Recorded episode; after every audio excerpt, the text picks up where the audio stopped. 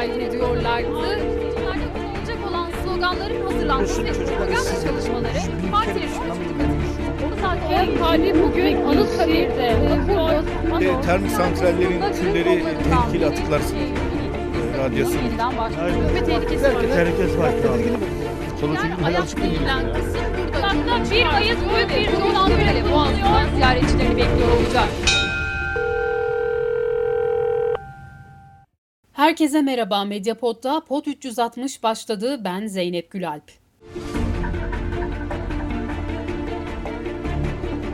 Bu hafta sosyal medyada gündeme getirilmek için mücadele verilen bir konu vardı. Kadına şiddetin bu kadar gündemde olduğu bir dönemde bugün ele alacağımız konuyla ilgili de çok önemli birkaç gelişme yaşandı. Ancak ne yazık ki yine gündemin yoğunluğu arasında kaldı. 20'li yaşlarının başında daha hayatının baharında hayatını kaybeden bir genç kızdı Şule Çet. Hasta değildi, bir trafik kazası geçirmedi. Ölüm nedeni hepimizi derinden etkiledi. Ankara'da bir plazanın 20. katından genç bir kızın aşağı düştüğü bilgisi geldi polis telsizlerine. Bu bir intihar mıydı yoksa cinayet miydi? Adli tıp raporlarında Şule Çet'in cinsel saldırıya uğradığı belirtiliyordu. Şüpheliler bunun bir cinayet olmadığına yönelik ifade vermişti, intihar edebileceği iddia edilmişti. Şule'nin ailesi ve avukatları her defasında bu iddiaya karşı çıktı. Şüpheliler 3 defa serbest bırakılıp tutuklandılar. Soruşturma kapsamında Şule'nin telefonu ve bilgisayarı incelendi. İncelemenin sonucunda 200 sayfalıkta bir rapor hazırlandı. Bu raporda Şule'nin bilgisayar kayıtlarının geçmişe yönelik incelendiği ve intihara yönelimin olduğuna dair hiçbir bilgi ve belgeye rastlanmadığı belirtildi. Ayrıca şüpheliye ait telefonun HTS kayıtları da ortaya çıktı. Detaylar dikkat çekici. Şimdi bu detayları Şule Çetin ailesinin avukatı Umur Yıldırım'la konuşacağız. Öncelikle yayına katıldığınız için çok teşekkür ederim Umur Bey. Ben teşekkür ederim öncelikle. Ee, şimdi en son gelişmeden başlayalım isterseniz. Bu rapor davanın seyri açısından ne anlama geliyor? Şöyle ki biz bundan önce hep bunun bir cinayet olduğunu hatta daha da ileriye götürerek şöyle acaba öldürün mü atıldı noktasında şüphelerimiz vardı. Son gelen deliller aslında Şule'nin oradan zaten intihar etmediği bir gerçekti. Fakat acaba bir arbede sonrası mı atıldı diye hani bir ihtimal vardı. Bu ihtimal neredeyse ortadan kaldırdı. Çünkü son gelen ETS raporlarında ve çok bir tanıkla Şule'ye hani olay günü akşam 2.39'da şüphelilerden birinin kana attığı mesaj var. Bu mesajda çok kötü şeyler oldu. Lütfen bana geri dön, beni ara şeklinde. Ve bu mesaj 2.39'da atılmış. Yani Şule öldürün atılmadan 1 saat 10 dakika önce. Yani bizim şüphemiz şu, şüpheliler Şule'yi öldürdükten sonra bir saatten fazla süre cesetin başında bekledi ve ne yapacaklarına karar verdiler. Ve en sonunda da intihar vererek Şule'yi oradan attılar. Yani camdan atılma gibi değil de e, olay yerinde öldürülme olarak olduğunu düşünüyorsunuz o zaman anladığım kadarıyla. Şöyle, olayın en başından ben size izahını yapayım. Hı hı. Hani şüphelerin anlattığı şu, gece 12'de plazaya giriş var. Gece 12'den sonra alkol almaya başlıyorlar. Şule ve yanındaki iki şüpheli. Hı hı. Gece 4'te hani şüphelilerin anlatımları giriyor burada. Diyor ki şöyle diyor yan odaya geçti diyor. Şüphelilerden birisi arkasından gitmiş.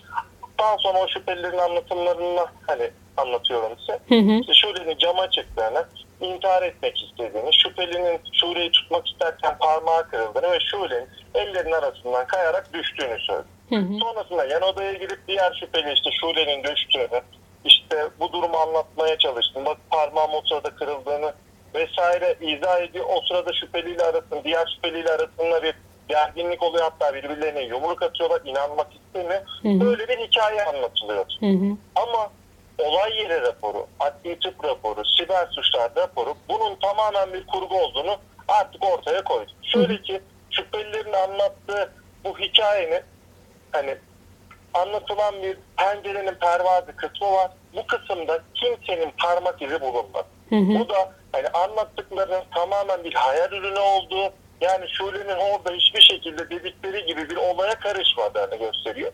En sona gelen bu HTS raporuyla da Şule'nin atılmadan yani 3.50'de atıldığı Şule'nin belli ama Şule'nin atılmadan önce 2.39'da önce öldürüldüğü açıkça ortaya çıktı. Yani Şule'yi öldürdüler 2.39'dan önce ve saat 3.50'ye kadar hani bu cesedi o ofisten nasıl çıkaracaklarını planladılar.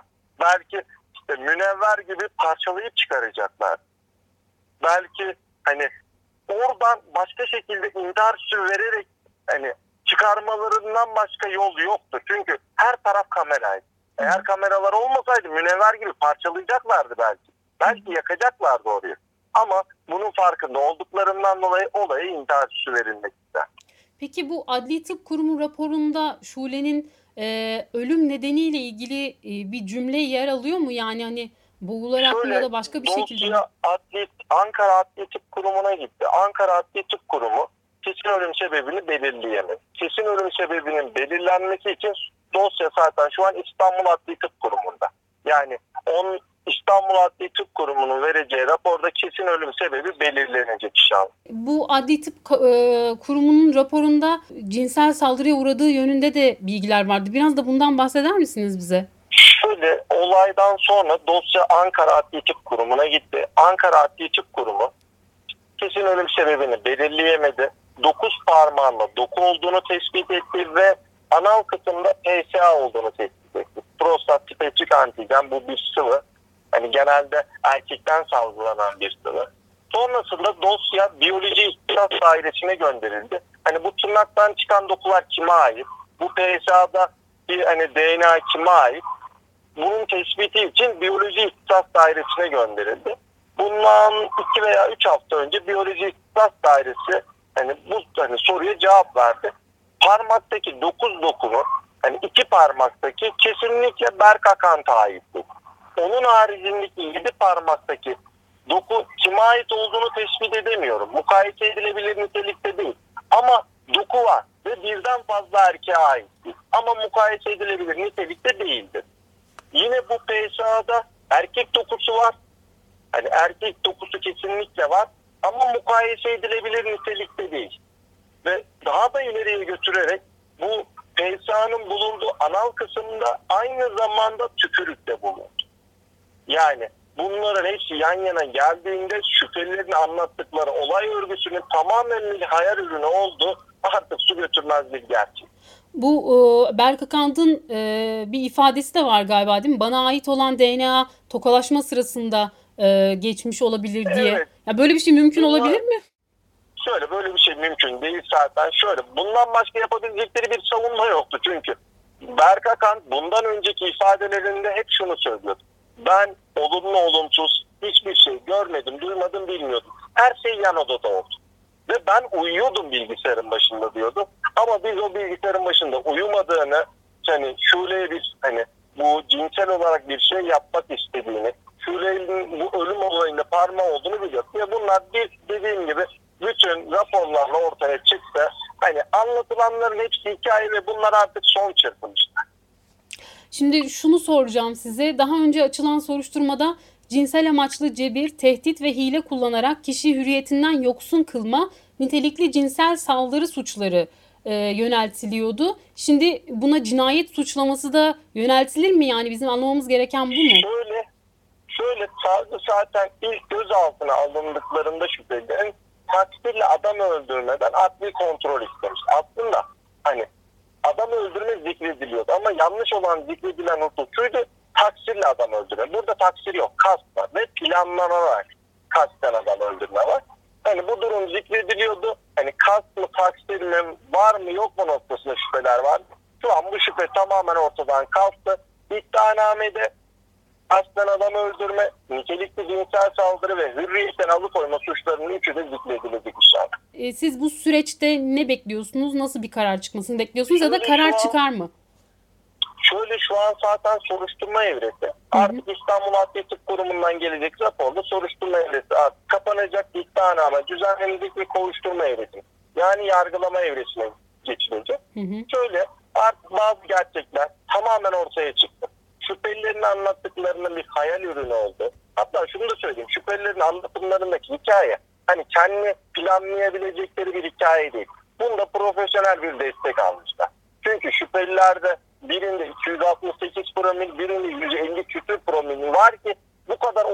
Hatırlamaları veya anlatmaları mümkün değil. Yani bu bir kurguydu ve bunu profesyonel birinden alarak kurgulamışlar. Ama bir hakikat vardı ki bu şimdi gün yüzüne çıktı. Bu hakikati değiştiremez. Çünkü anlattıkları sadece hayal ürünüydü. Diyorum ya adli raporu, siber suçlar raporu, olay yeri raporu, HTS raporları bunların artık hani ne olduğunu ortaya çıkardı. Dediğim gibi yargılanacaklar. Hak ettikleri ceza. Bizim tek temennimiz hak ettikleri ceza. Fazlası da değil, eksiği de değil. Peki e, yani bunu bilmediğim için soruyorum. E, genellikle bu tarz davaların e, süresi ne kadar oluyor? Yani biz mesela kararı ne zaman duyabiliriz acaba? Şöyle bir yıldan az sürmeyecek maalesef. Çünkü yargılama süreci maalesef birazcık yavaş işleyen bir süreç. Ama temennimiz şu tamam yavaş olsun ama düzgün ve doğru sonuç. Bir, bir buçuk yıldan az sürmeyecek maalesef. Peki kaç yılla cezalandırılacaklar? E, öyle bir öngörünüz var mı? Şöyle eğer ki kasten adam öldürmekten iddianame düzenlenirse ki olması gereken bu. Kasten adam öldürmek ki burada planlayarak ve soğukkanlılıkla canice işlem. Çünkü şöyle oradan atıldı. Hı hı. Hani soğukkanlılıkla ve canice işlenmiş ağırlaştırılmış müebbet hapis cezasıyla sırf sadece o suç tipinden alacaklar. Onun haricinde nitelikli cinsel saldırı ve hürriyetten alıkoymadan da artı olarak bir ceza alacaklar. Hı hı. Ama bizim asıl bu zamana kadar ifade etmek istediğimiz bir önceki savcının bu konuda hani zikretmek istemediği, yalnız zikrettiği husus kasten adam öldürmeyi. Bizim sıkıntımız burada. Burada hani bir kasten adam öldürme var. Burada intihar yok veya taksir yok. Kast var. Ağırlaştırılmış müebbet hapis cezasıyla hani yargılamanın sonunda çıkacağını umut ediyoruz. Ama dediğim yavaş olabilir yargılama ama sonunda çıkacak ceza doğru ve hani caydırıcı olmalı. Çünkü herkes hani bu şüpheliler 4-5 ay dışarıda tutuksuz yargılandılar. Aramızdaydılar. Bu sadece bir kadın olarak değil. Hani bir erkek olarak da açıkçası korku verici bir durum. Maalesef bu şekilde. Peki e, çok teşekkür ederim yayınımıza katıldığınız için. Rica ederim. Biz de Ben sürecin teşekkür ederim. takipçisi olacağız. E, tekrar teşekkür ederiz. Sağ olun. Ben teşekkür ederim. İyi yayınlar. Hoşçakalın.